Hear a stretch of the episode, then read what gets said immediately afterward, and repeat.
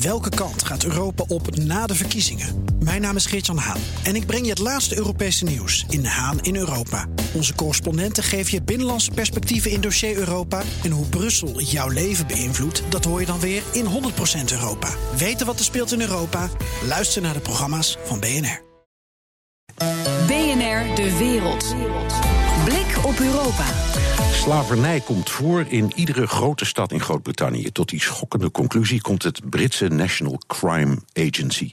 Maar niet alleen aan de andere kant van het kanaal, maar ook in de rest van Europa neemt de kans op moderne slavernij toe.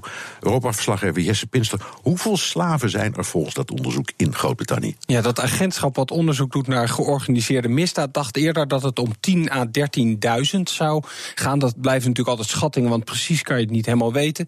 Maar nu zeggen ze dat is werkelijk het topje van de ijsberg. Want hoe meer onderzoek wij doen, hoe meer slavernij wij tegenkomen. En de afgelopen maanden hebben ze extra in uh, meer politieonderzoek laten doen. Ze hebben bijvoorbeeld uh, 111 arrestaties in Groot-Brittannië gedaan, maar ook 40 in andere Europese landen.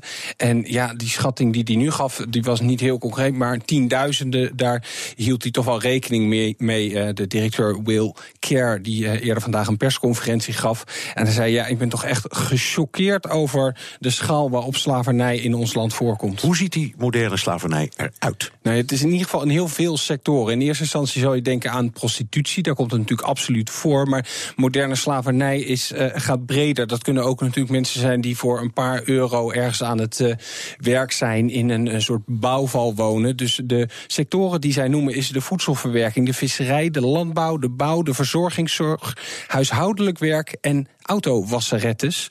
En dan gaat het meestal om uh, mensen uit Nigeria en Vietnam. Maar als we binnen Europa kijken, vooral Oost-Europeanen, Roemenen, ook wel Polen, Al Albanese. Um, het is dus eigenlijk vaak ook een vorm van, van uitbuiting. Weet je, slavernij, dan denk je toch gelijk dat iemand vastgeketend zit en geen enkele cent krijgt. Maar er zitten wel vrij schokkende verhalen tussen. Zo vertelde ze het verhaal van een 12-jarig Roma-meisje dat door haar vader verkocht is aan een familie in Groot-Brittannië. Zodat zij daar de kinderen van die Britse familie naar school kon brengen, kon ophalen en tussendoor het huis schoon kon gaan maken. Jongen. Komt dat nou ook in de rest van Europa voor? Want we hebben het nou over Groot-Brittannië, omdat daar nou vandaag die cijfers zijn. Maar hoe zit het daar? Nou, toevallig is er ook vandaag een ander onderzoek uitgekomen. De Modern Slavery Index 2017. Dat komt van uh, consultants van V-Risk Maplecroft. Die maken dat als een soort van waarschuwing aan bedrijven. Van kijk nou uit, hier en hier loop je wellicht risico... dat er ineens slavernij in je productieketen uh, voorkomt. En zij zeggen dat in 20 van de 28 Europese landen... het de verkeerde kant op gaat.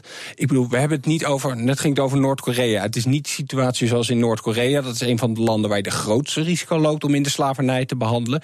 Maar in Roemenië, Italië, Cyprus, Bulgarije wordt de situatie uh, steeds risicovoller. En dat zijn allemaal ook landen waar grote aantallen vluchtelingen zijn aangekomen. En zij leggen ook direct die link, omdat dat gewoon een hele kwetsbare groep is. En die lopen het risico om in slavernij terecht te komen. Bij Roemenië kleine kanttekening, want net, bij, net als in Groot-Brittannië is de politie gewoon meer op zoek. En dan kom je meer tegen en dan lijkt het natuurlijk allemaal dan wordt het veel groter. erger. Ja, dus dan ontdek je hoe er groot zit een wisselwerking in die twee. En, en bij ons hier of uh, in, de- in de West-Europese landen? Uh, nee, we hebben natuurlijk al Groot-Brittannië. Daar zie je dat het ook problematisch gaat volgens dat andere uh, rapport. Duitsland zijn ze ook wel zeggen, meer gevallen van mensenhandel. En Nederland zit een beetje in hetzelfde groepje. Tussen, ja, dat noemen ze dan medium risk en laag risico in. Maar dan zit je wel weer in de top 15. En als je kijkt naar het Nederlandse beleid, daar wordt vaak toch wel positief over geschreven. We hebben ook een rapporteur voor mensenhandel. Die heb ik nog even gebeld. Van, hebben jullie nou exacte cijfers van hoe het in Nederland zit?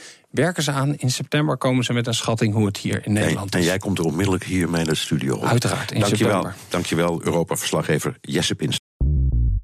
Bij BNR ben je altijd als eerste op de hoogte van het laatste nieuws. Luister dagelijks live via internet. Bas van Werven. En heel langzaam komt de zon op rond dit tijdstip. Je krijgt inzicht in de dag die komt op BNR, het Binnenhof in Nederland en de rest van de wereld. De Ochtendspits. Voor de beste start van je werkdag. Blijf scherp en mis niets.